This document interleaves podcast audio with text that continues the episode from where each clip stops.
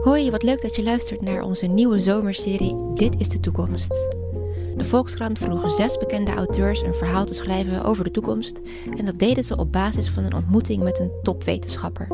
Dit eerste verhaal wordt voorgelezen door Hanna Bervoets, die na haar ontmoeting met nanotechnoloog Leo Kouwenhoven een verhaal schreef over de jonge Billy Moore, die opgroeit in de wonderwereld waarin de kwantumcomputer het leven dreigt over te nemen. Superpositie 1. Kijk, daar gaat hij. Dat blauwe sportbroekje, dat lange rode haar, dat is Billy Moore, 9 jaar. Links en rechts van hem stuiven kinderen over het schoolplein. Sommigen vliegen hun ouders direct in de armen. Anderen doen of ze hun wachtende vaders en moeders niet bij het hek zien staan, lopen hen zwijgend voorbij ten teken dat de auto kan worden gehaald. Billy's moeder is er niet bij. Zij is thuis, ligt boven in bed. Geeft niets. Achter de brievenbus hangt een touwtje en hij weet de weg. Eerst de straat uit, oppassen bij het oversteken, de brug over en dan rechts het kanaal blijven volgen. Hij loopt de route al jaren, maar vandaag niet. Vandaag slaat Billy, net als gisteren, al ver voor het stoplicht rechtsaf. Hij voelt zijn nek warm worden als hij de zijstraat inloopt, alsof hij iets doet wat niet mag. Dit is een heel stuk om, maar zo komt hij tenminste geen andere kinderen tegen. Op de oude route kreeg Billy steeds vaker gezelschap van Bella en Rosie. Dan kwamen ze vlak achter hem lopen, hun armen in elkaar geklonken. Ze zeiden niets, giechelden alleen maar, en ondertussen kwamen ze steeds dichterbij, soms zo dichtbij dat ze op zijn hielen stapten. Wanneer hij dan schold of wankelde, dan lachten Rosie en Bella nog harder. Eigenlijk was dat nog bijna irritanter dan Mitchell en Roger, die hem meestal alleen zijn tas om lieten draaien, zodat zijn boeken en broodtommel op straat knalden. Thuis was hij dan minutenlang bezig zijn spullen schoon te wrijven met gezichtsdoekjes van zijn moeder. Daarna roken zijn pennen naar parfum, maar hij wil geen poep of bacteriën aan zijn handen. Eén keer namen ze zijn games mee. Ze raapten ze gewoon van straat en stopten ze rustig in hun zakken, alsof ze een stel mooie schelpen gevonden hadden. Zijn moeder werd woedend toen ze dat hoorde. Ze was nog niet zo ziek als nu, dus liepen ze naar het huis van Mitchell en de moeder van Mitchell riep haar zoon en dwong hem, waar ze allemaal bij waren, zijn hele verzameling in te leveren. Een groot blauw krat vol games en controllers zou voorlopig op de bovenste plank van de grote kast in een huiskamer bewaard worden. Mitchell had gehuild en gegild als een meisje, maar Billy voelde nauwelijks triomf, eerder plaatsvervangende schaamte. Op school werd het daarna alleen maar erger. Steeds vaker kwamen ze ongevraagd voor, naast of achter hem lopen en maar lachen en maar op zijn hielen stappen, tegen zijn knieholte strappen. Dat is dus waarom hij deze nieuwe route uitgedacht heeft. Daar, daar is het einde van de straat al. Billy steekt over, het is al laat en hij wil niet dat zijn moeder zich zorgen maakt. Zodra hij de deur open heeft, rent hij met treden tegelijk de trap op. Voor niets blijkt als hij de grote slaapkamer binnenkomt, zijn moeder slaapt nog. Mam, vraagt hij, ben je wakker?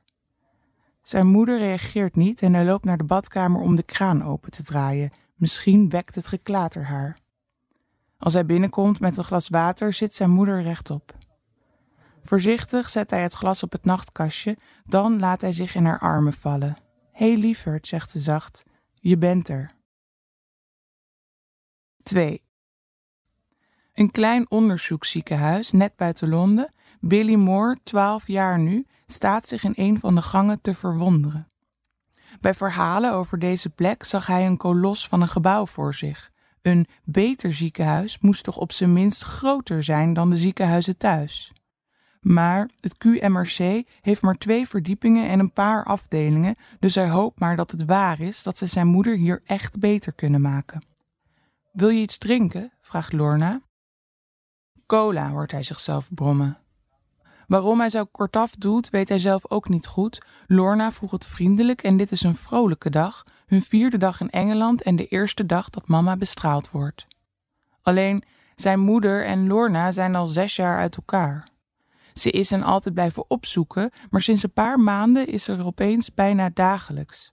Hoe dat zit, weet hij ook niet en hij hoeft het ook niet echt te weten. Maar Lorna moet nu niet denken dat ook voor hem alles weer oké is, al weet hij dat hij blij mag zijn dat zij er deze week bij is. Als Lorna niet had vrijgenomen, had hij vast niet meegemogen. Wil je ook iets eten? vraagt ze. Ik weet het niet, antwoordt hij. Een broodje? Hm, misschien. Lorna zucht en woelt door zijn haar voor ze opstaat. Ze denkt natuurlijk dat hij zich zorgen maakt. Dat was ook het argument waarmee hij zijn moeder vroeg, nee, smeekte of hij mee mocht. Je mag me niet alleen laten, dat kan ik niet aan. Het was slechts deels waar.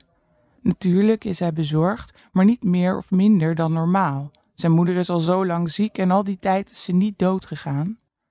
En hij wil ook echt graag bij haar zijn vandaag, maar net zo goed wilde hij niet achterblijven. Want achterblijven had betekend dat hij mee moest op schoolkamp en dat zou, nou ja, niet bepaald goed zijn gegaan.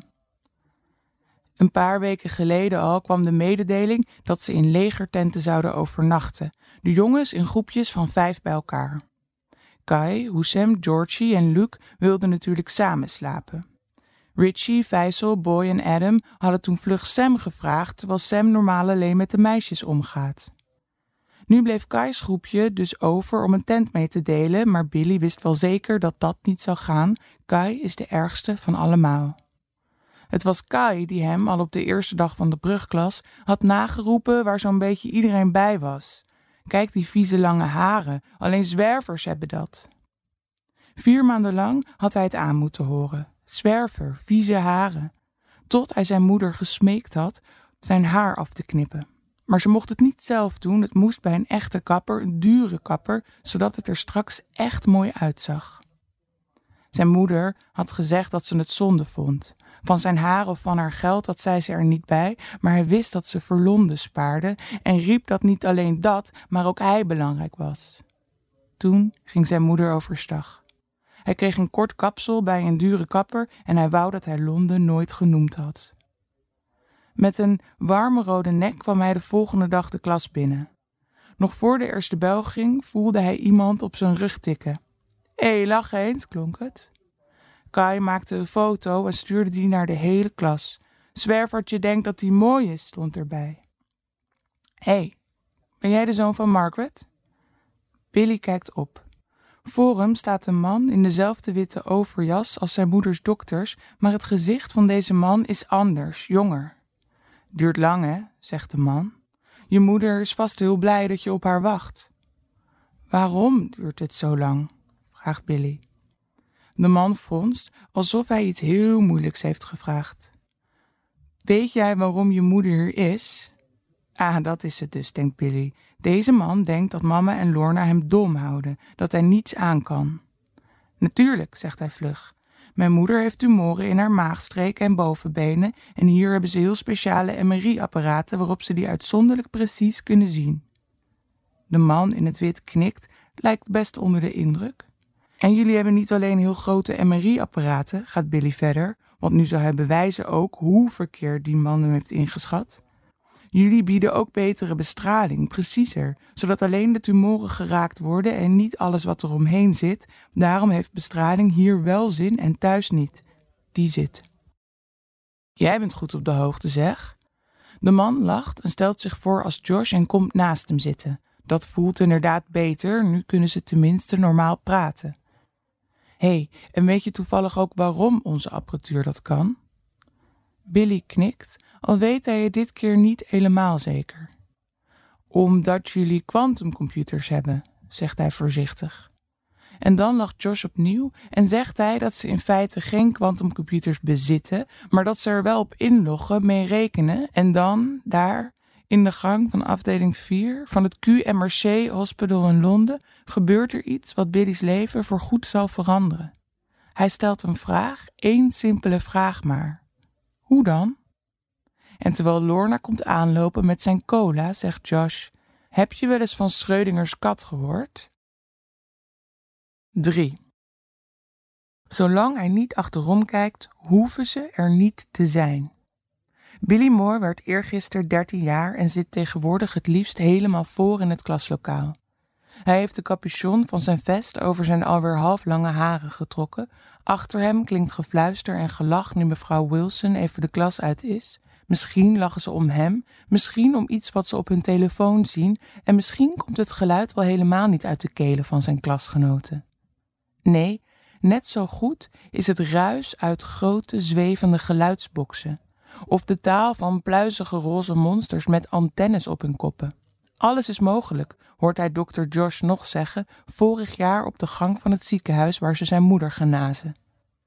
Elke dag denkt hij aan dat gesprek, al weet hij inmiddels niet meer helemaal zeker wat hij van Josh leerde en wat hij daarna zelf opzocht. Maar het was Josh die hem vertelde over Schrödinger, het baanbrekende gedachte-experiment van honderd jaar geleden.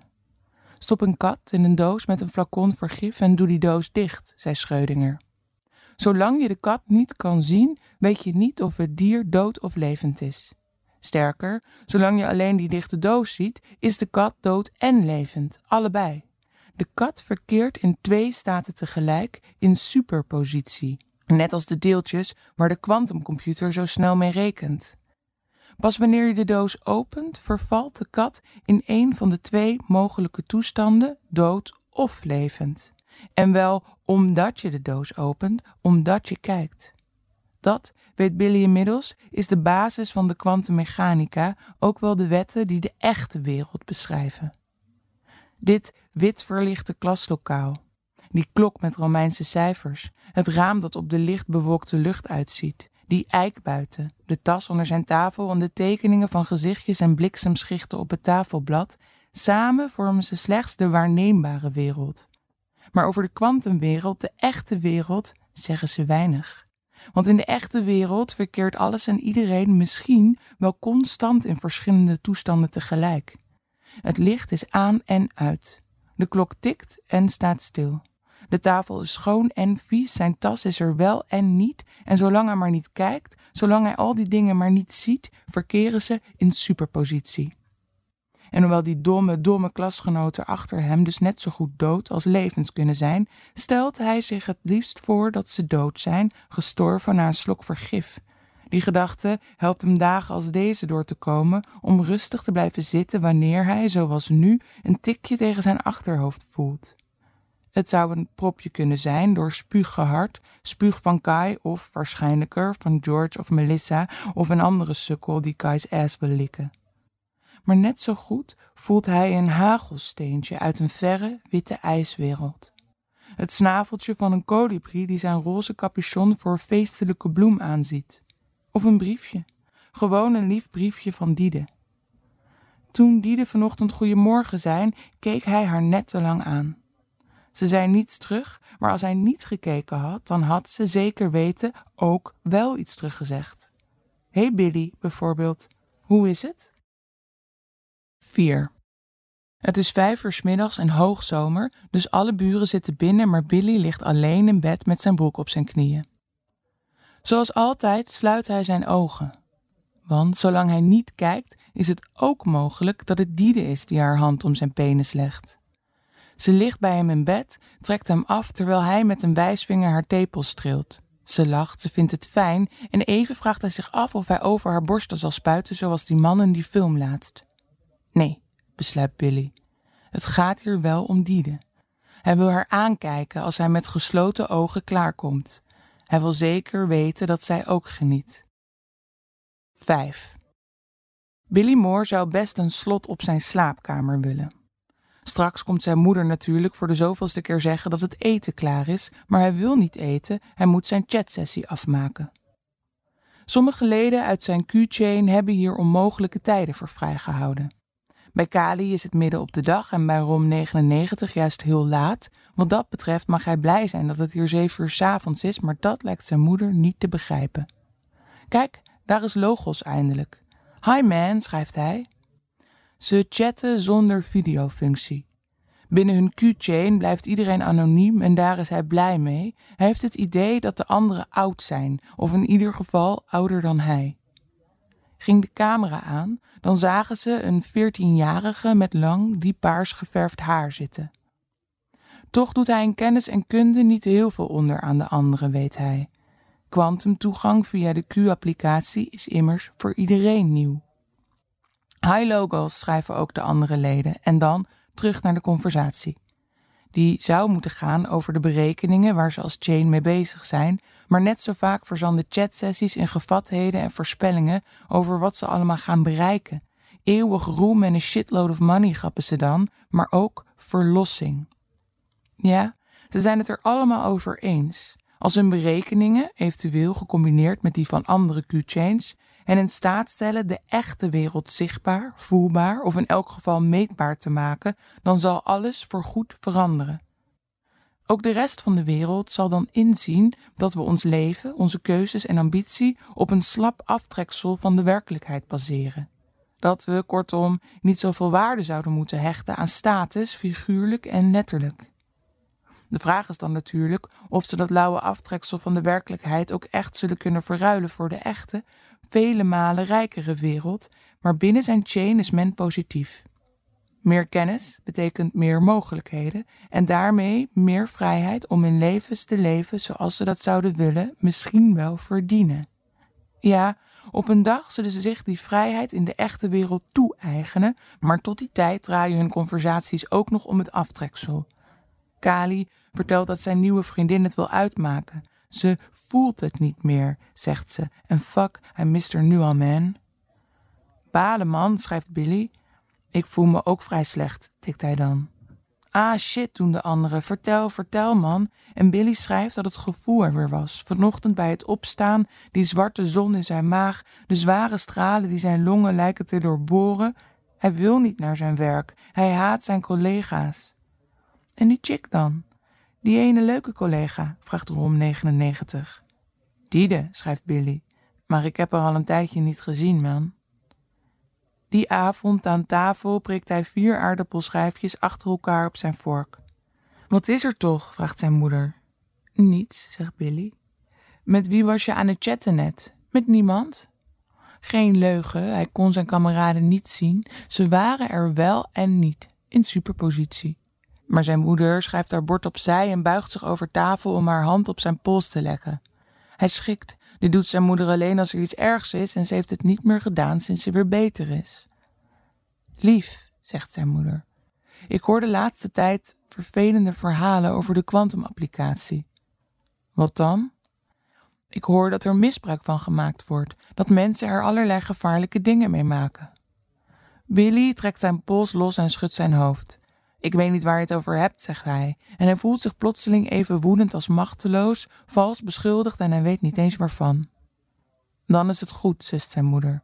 Maar hij heeft er geen zin meer in en hij propt zijn aardappelen naar binnen om zo snel mogelijk weer naar zijn kamer te kunnen. Daar zoekt hij op wat zijn moeder net bedoelde met misbruik en middelen. 6. Het is twintig over zes en Diede is er nog steeds niet. Billy zit op het rechterbankje in de rozentuin, precies zoals Melissa's bericht voorschreef, maar hij is er nog altijd alleen. Natuurlijk weet hij dat Melissa niet te vertrouwen is. Maar dit ging over Diede. Melissa schreef dat die hem wilde zien en Diede is haar beste vriendin. Waarom zou ze over haar liegen? Misschien durft Diede zelf niets te sturen. Zo goed kennen ze elkaar niet en misschien vindt ze dit wel, nou ja, romantisch. Als jij iemand leuk vindt, laat je dat dan wel eens door een ander vertellen? vroeg hij zijn moeder gisteren. Jazeker, had ze gezegd, en meteen legde ze haar ochtendsandwich neer om hem samen zweerderig aan te kijken, een blik die hem vervulde van schaamte om wat hij gevraagd had en tegelijkertijd van schuldgevoel omdat hij niet vaker dit soort dingen vroeg, hongerig als zijn moeder leek naar dit soort min of meer persoonlijke conversaties. Al is het een stuk stoerder om zelf om iemand af te stappen, zei zij ondertussen, en ze knipoogde en vroeg niet verder en daar was hij haar dankbaar om. Maar nu twijfelt hij dus aan Melissa's intenties. Zit hij hier voor niets te wachten op Diede? Rustig blijven, zegt hij zichzelf. En hij probeert, zoals ze bij stressbeheersing hebben geleerd, door zijn buik te ademen, al gaat dat maar matig. De lucht lijkt tussen zijn ribben te verdwalen en haast automatisch doet hij zijn ogen dicht. Zo is Diede er wel en niet. Zijn omgeving, de dorre rozen, de bekladde bankjes, de wolken, zijn telefoon, Melissa's bericht. Ze zijn er wel en niet. Zolang hij niet kijkt, verkeert alles in verschillende staten tegelijk. En hé, hey, zie, daar is Diede. Vlug snelt ze de rozentuin in. Sorry, zegt ze, sorry dat ik zo laat ben. Hij knikt en ze komt naast hem zitten en dan brengt ze haar gezicht vlak bij het zijn om hem een zoen op de mond te geven. Ik vind het zo lief dat je altijd goeiemorgen tegen me zegt, zegt ze. Dat doet eigenlijk niemand, wist je dat? En ze legt haar hand al op zijn spijkerbroek. In één ruk heeft ze zijn riem los en daar gaat haar hand zo zijn broek in. Hij voelt zijn kruis tintelen. Langzaam wrijft Diede over zijn eikel, precies zoals hij het fijn vindt. En dan pakt ze zijn piemel. Ik wil dat al zo lang, zegt ze, en ze lacht, eerst zacht, maar dan wordt haar lach plots luider, een schaterlach die plotseling zo laag klinkt dat hij ervan schrikt en, afgeleid als hij is, zijn ogen opent. Een fout. Want nu hij weer kijkt, neemt de omgeving haar vaste vorm weer aan en ziet hij Melissa en Jason staan, hun camera's op hem gericht. Ze gieren het uit om hoe hij daar zit, helemaal alleen, zijn pik in zijn hand. 7. Billy, klinkt het achter hem. Zijn dat ze? Roepen ze zijn naam? Hij heeft niet lang nodig, even maar. Zijn nieuwe Q-chain verwacht dat hij zich elke dag op een opgedragen tijdstip meldt, in elk geval de eerste 40 dagen na zijn toetreding, kwestie van vertrouwen opbouwen. Soms groet hij hem vanuit huis. Vandaag vanaf de computer in de mediatheek. Sergeant Murphy check-in in, tikt hij. Hé, hey, verkrachter, klinkt het nu luid en duidelijk achter hem. God, waarom houden ze hun koppen niet?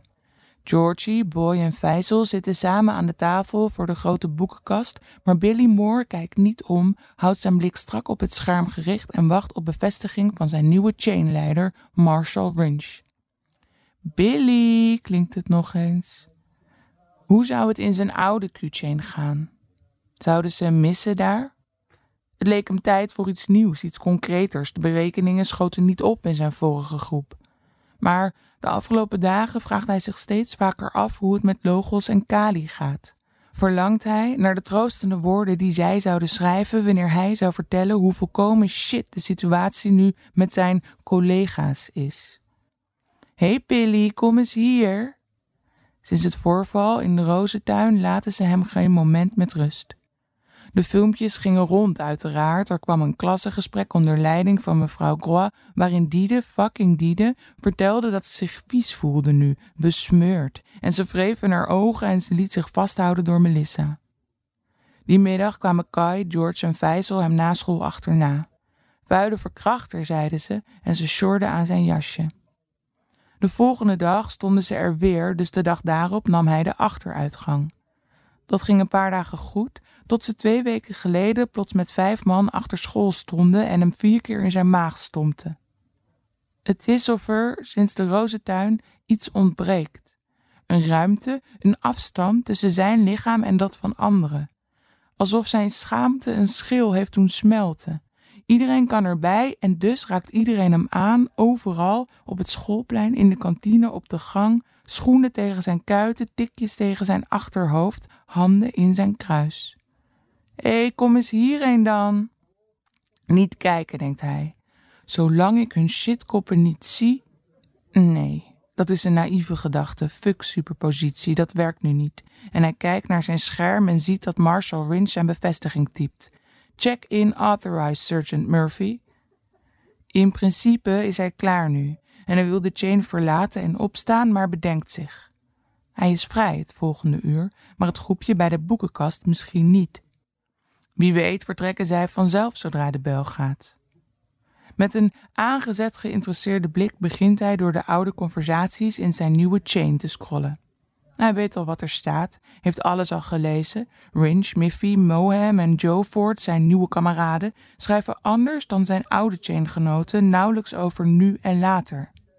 Nee, hier blijft het niet bij fantasieën over de echte wereld. Hier zijn ze bezig de echte wereld vorm te geven. Want wie de echte wereld inricht, heeft het daar straks ook voor het zeggen.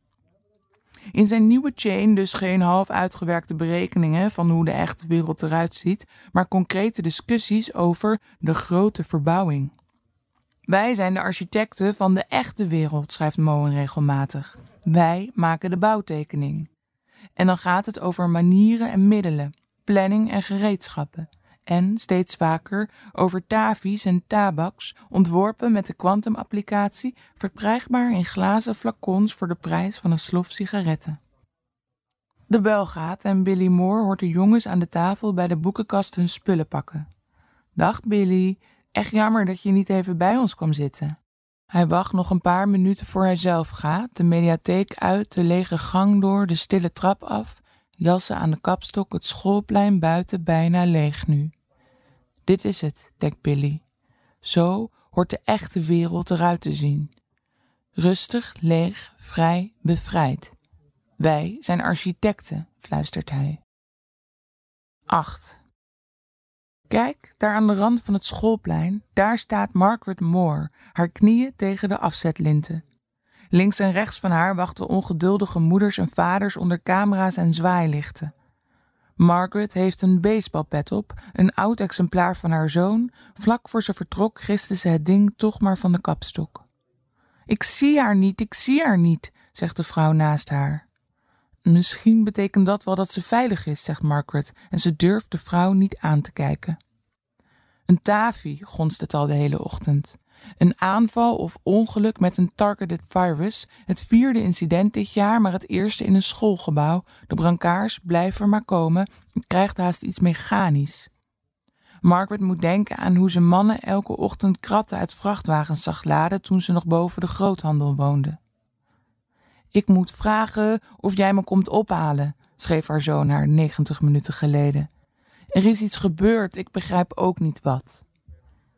Ik begrijp ook niet wat. Die zin laat haar niet los. Direct na het berichtje had ze meer informatie gezocht. Er waren al nieuwsberichten over het incident, ontdekte ze, en daar stond in dat men aan een Tavi-attack dacht. Wist haar zoon dan niet wat een Tavi was? Hij gebruikt de quantum-applicatie notabene dagelijks. En is dat niet waar ze die Tavi's ontwerpen? Ik begrijp ook niet wat. Steeds als ze daaraan denkt, voelt Margaret iets uitzetten in haar maagstreek. Ik zie haar echt niet, klinkt het opnieuw naast haar. Eindelijk durft Margaret opzij te kijken. De vrouw rechts van haar heeft een paar grote, groene, bijna frivole oorbellen in. Natuurlijk is er geen regel dat je je oorbellen uit moet doen wanneer een rampsituatie zich aandient, maar het heeft iets geks, die grote blije lellen, iets hartsverscheurends eigenlijk. En plots voelt Margaret haar ogen prikken en haar handen trillen. Melissa, roept de vrouw, en Margaret schrikt van de intensiteit van de kreet. Melissa ligt op haar rug op een brancard. Net als bij de andere getroffenen zijn haar ogen wijd open. Maar haar blik is wazig, alsof ze zich iets afvraagt over de wolken. Het meisje is springlevend, maar vertrokken.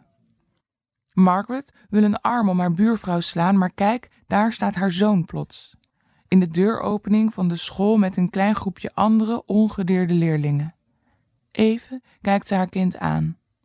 Dan komt Billy naar haar toe, eerst met grote passen, het laatste stukje rent hij. En zij, zij spreidt haar armen zoals de andere overgebleven ouders dat ook doen. En wanneer haar zoon vlakbij is, wacht ze niet langer en trekt ze hem aan zijn jas naar zich toe. Ze drukt haar zoon tegen haar borst, sluit haar ogen, snuift zijn geur op. En Billy is vijftien, maar Billy is ook negen jaar en komt haar slaapkamer binnen met een glas water. Voor hij zich in haar armen werpt, zet hij het glas voorzichtig op het nachtkastje. Hé hey, lieverd, hoort ze zichzelf zeggen, je bent er.